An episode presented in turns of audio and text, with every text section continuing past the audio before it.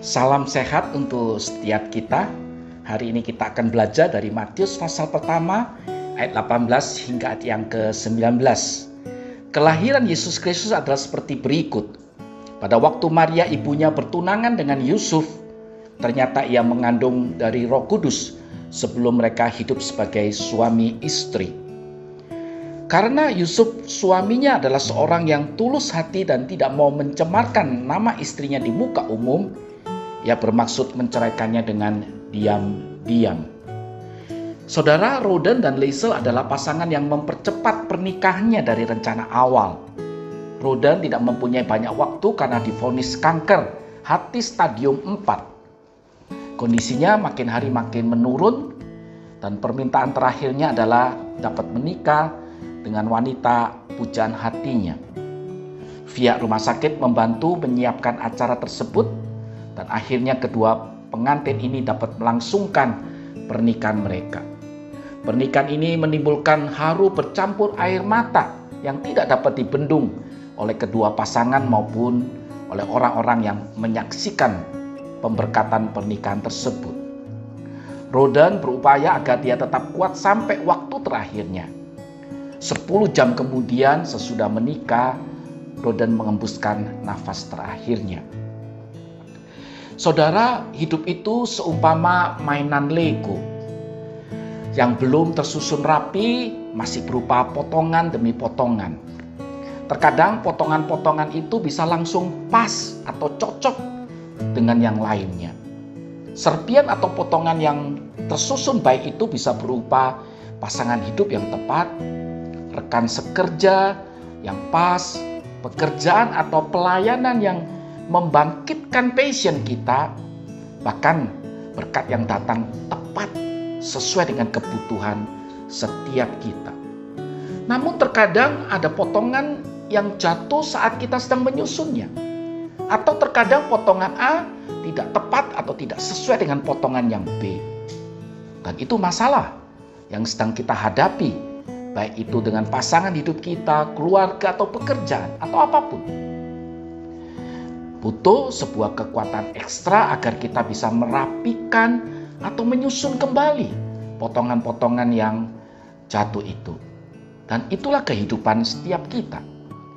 Kadang berjalan baik sesuai dengan yang kita harapkan, kadang bisa saja berantakan atau tidak sesuai dengan harapan kita. Dan itu jugalah yang terjadi pada hidup Maria dan secara khusus pada Yusuf Saudara perikop ini mengisahkan pertunangan pada umumnya. Sesuatu yang biasa terjadi dan tidak ada sesuatu yang spesial. Namun kemudian menjadi sesuatu yang tidak biasa untuk budaya waktu itu karena Maria didapati hamil sebelum mereka menikah. Dan ini masalah besar pada waktu itu. Dan jalan keluar yang paling gampang menurut Yusuf adalah dengan diam-diam menceraikan Maria.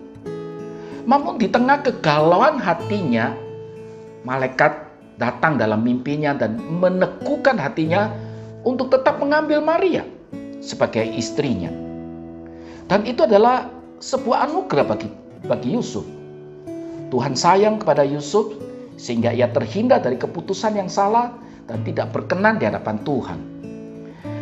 Dan setelah mendapatkan mimpi itu, Yusuf terlihat lebih tenang daripada sebelumnya. Ia terhindar dari satu masalah yang mungkin dapat disesali seumur hidupnya. Dan dia juga tidak terganggu oleh berita atau gosip tentang kehamilan Maria atau masalah-masalah lainnya. Ayat 24 menyebutkan Yusuf berbuat seperti yang diperintahkan malaikat Tuhan itu kepadanya. Saudara dikasih Tuhan Yesus, hal ini bisa atau kadang bisa terjadi dalam kehidupan kita. Berapa banyak di antara kita tak kala masalah hadir dalam kehidupan kita, kita datang mencari dan bergumul bersama-sama dengan Tuhan. Bukankah kita tak jarang mencari cara yang sesuai dan menurut kita itu yang terbaik?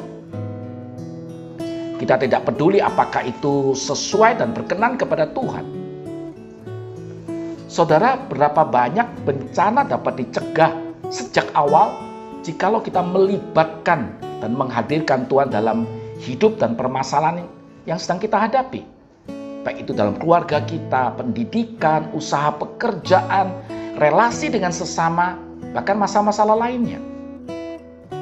Firman Tuhan dalam Filipi pasal 4 ayat 6 hingga 7 mengingatkan kepada setiap kita.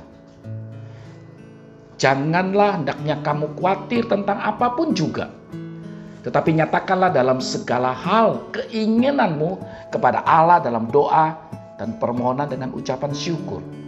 Maka katakan ayat 7. Damai sejahtera Allah yang melampaui segala akal akan memelihara hati dan pikiranmu dalam Kristus Yesus. Apakah hari ini engkau sedang menghadapi pergumulan? Mintalah pertolongan Tuhan. Yakinlah bahwa Tuhan sanggup menolongmu, menolong keluargamu, menolong kita semua. Amin. Tuhan Yesus memberkati setiap kita.